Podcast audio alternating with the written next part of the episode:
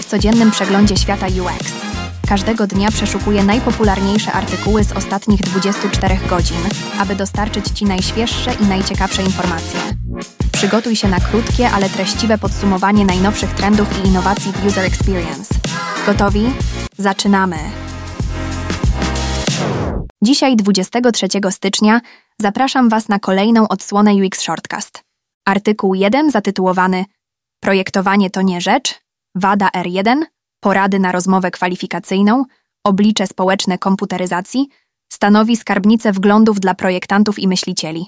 Rozpoczyna się od osobistej anegdoty na temat niepewności kreatywności, którą dzieli się Fabricio Teixeira. Część następnie zagłębia się w zasoby, podkreślając wieloaspektową naturę projektowania jako przecięcia ograniczeń, ewoluującą rolę badaczy UX oraz integrację badań UX w organizacjach. Wybór redaktorów obejmuje do myślenia dyskusję na temat kompromisów między sztuką generowaną przez AI a obrazami stokowymi, ponadczasową aktualność złotych zasad w projektowaniu interfejsów oraz wewnętrzną wartość czasu projektowania. Artykuł udostępnia również małe perełki, takie jak ograniczenia wprowadzania głosowego jako głównego interfejsu, koncepcję technologii jako trenera, a nie wspilota, oraz przewodnik po obliczu społecznym komputeryzacji dla projektantów. Pod kątem praktycznych porad oferuje wskazówki do rozmów kwalifikacyjnych, jak unikać nadmiernego objaśniania, używanie AI w renderowaniu 3D oraz sekrety skutecznego dobierania czcionek. Artykuł kończy zachętą czytelników do wspierania newslettera poprzez różne środki. W artykule numer 2 zatytułowanym Podnoszenie poziomu doświadczeń projektowych Web3 Oleksij Tatarko dzieli się cennymi spostrzeżeniami z dwuletniej podróży w dziedzinie projektowania Web3. Podkreśla on znaczenie dostępności, dbając o to, aby projekty odpowiadały potrzebom wszystkich użytkowników, w tym osób z niepełnosprawnościami. Kluczowe wskazówki obejmują stosowanie minimalnego rozmiaru czcionki 16 pikseli, utrzymywanie wysokich współczynników kontrastu, wybieranie czytelnych czcionek takich jak Roboto i Inter – oraz zapewnienie jasnych instrukcji.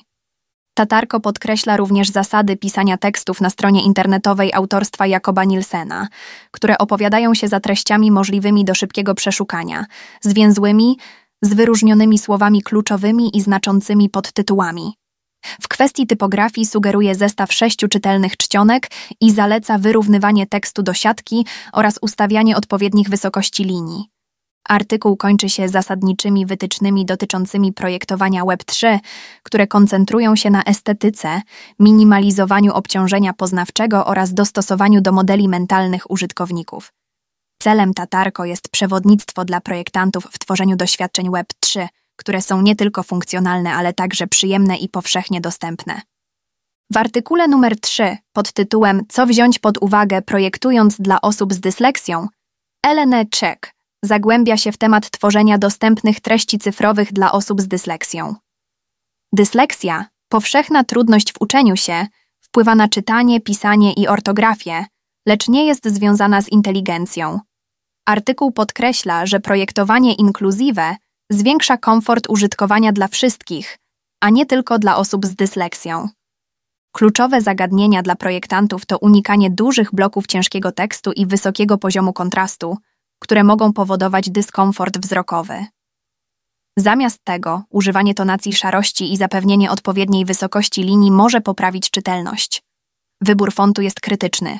Opcje przyjazne dla dysleksji, takie jak Open Dyslexic, Arial, Helvetica, Comic Sans, Verdana i Tahoma, pomagają uniknąć pomyłek między podobnie wyglądającymi znakami, Artykuł radzi również przeciwko stosowaniu długich, złożonych tekstów i wyjustowanego wyrównania tekstu, zalecając prosty język, krótkie zdania i wyrównanie do lewej strony dla lepszej czytelności. Narzędzia takie jak wtyczka Stark mogą pomóc projektantom w sprawdzaniu kontrastu, symulowaniu różnych typów widzenia oraz zapewnianiu czytelności. Ostatecznie artykuł zachęca do przyjęcia inkluzji w projektowaniu, aby uczynić cyfrowy świat dostępnym i przyjaznym dla wszystkich użytkowników. W artykule numer 4 zatytułowanym Planowanie to zwlekanie, po prostu zrób to, autor Jorge Valencia kwestionuje pogląd, że szczegółowe planowanie jest kluczowe dla sukcesu wykonania. Twierdzi, że choć planowanie jest cennym narzędziem, często staje się taktyką prowokowania zwłoki, która opóźnia właściwą pracę. Opierając się na swoim doświadczeniu w projektowaniu produktów cyfrowych, Walencja opowiada się za bardziej zorientowanym na działanie podejściem, podkreślając znaczenie wykonania nad skrupulatnym planowaniem. Walencja zauważa, że pomysły to tylko mnożniki wykonywania. Nawet przeciętny pomysł może się wybić przy odpowiednim wykonaniu, podczas gdy genialny pomysł jest bezwartościowy, jeśli jest wykonany źle. Jako przykłady podaję metodyki Lean i Agile, które dają priorytet działaniu i iteracyjnemu rozwojowi, a nie rozległemu planowaniu. W artykule krytykuje się długoterminowe, szczegółowe plany, sugerując, że często są one fikcyjne i nie uwzględniają rzeczywistych zmiennych. Zamiast tego Walencja poleca zacząć od jasnej wizji produktu i szerokich pociągnięć, używając metody agile, aby szybko produkować, zbierać opinie i iterować. Zachęca do rozpoczynania od małej skali i unikania pułapki oczekiwania na idealne warunki lub komplikowania początkowych kroków. Działając możemy pokonać zwlekanie, złożoność i strach, co ostatecznie prowadzi do wymiernego postępu i nauki poprzez doświadczenie. W przenikliwym artykule numer 5 Dlaczego nie zostać projektantem UX w 2024 roku? Autorstwa Dominika Lyko, opublikowanym na UX Planet, badany jest wzrastający urok kariery w projektowaniu UX wśród cyfrowej rewolucji. Zbliżając się do 2024 roku, artykuł skłania czytelników do zastanowienia się nad dochodowością zawodu projektanta UX, podkreślając przesycone rynkiem po kryzysie ekonomicznym oraz przesunięcie wywołane pandemią w kierunku zdalnej nauki. Doprowadziło to do zwiększenia liczby projektantów na poziomie podstawowym oraz do braku miejsc pracy dla juniorów, zaostrzając konkurencję.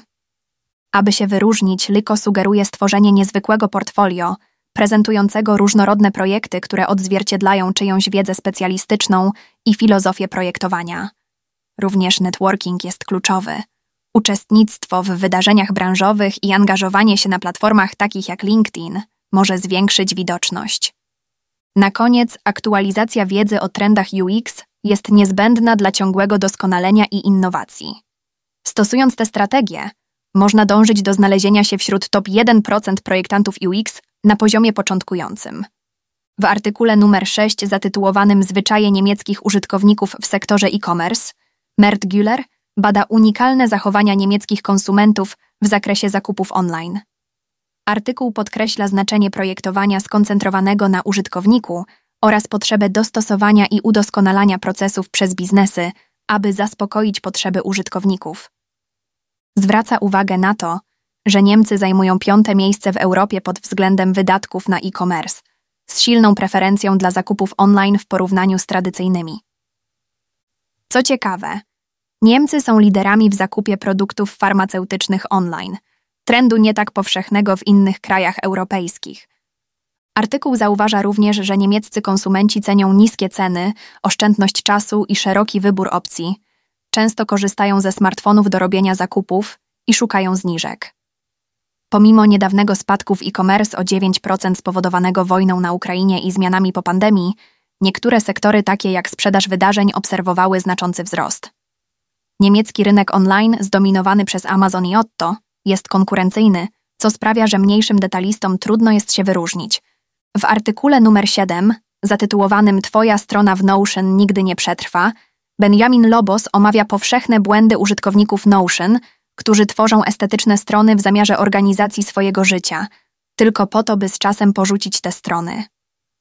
Artykuł zagłębia się w przyczyny, dla których te strony, mimo początkowego uroku, nie są w stanie utrzymać zaangażowania użytkowników. Lobos sugeruje, że problem nie leży w samej aplikacji Notion, lecz raczej w podejściu użytkowników do przejścia od chaosu do porządku.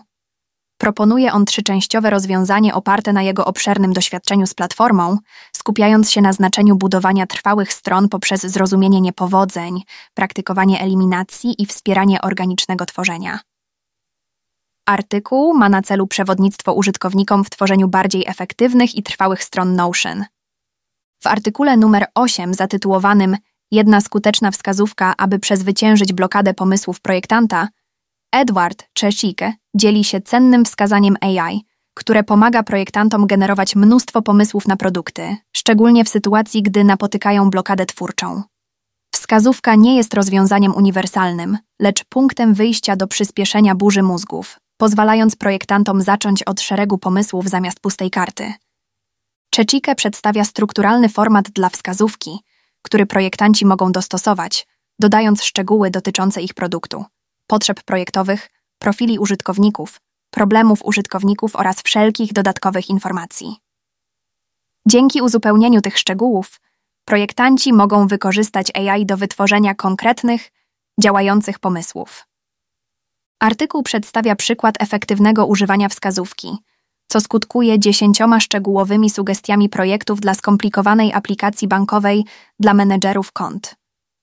Czeczike podkreśla znaczenie filtrowania tych pomysłów wygenerowanych przez AI, dokonywania niezbędnych dostosowań wskazówki dla lepszych rezultatów oraz eksplorowania innych dużych modeli językowych dla zróżnicowanych wyników. Podsumowując, artykuł oferuje praktyczne narzędzie dla projektantów, aby przełamać blokady pomysłów i zwiększyć swoją efektywność, wykorzystując moc AI w procesie kreatywnym.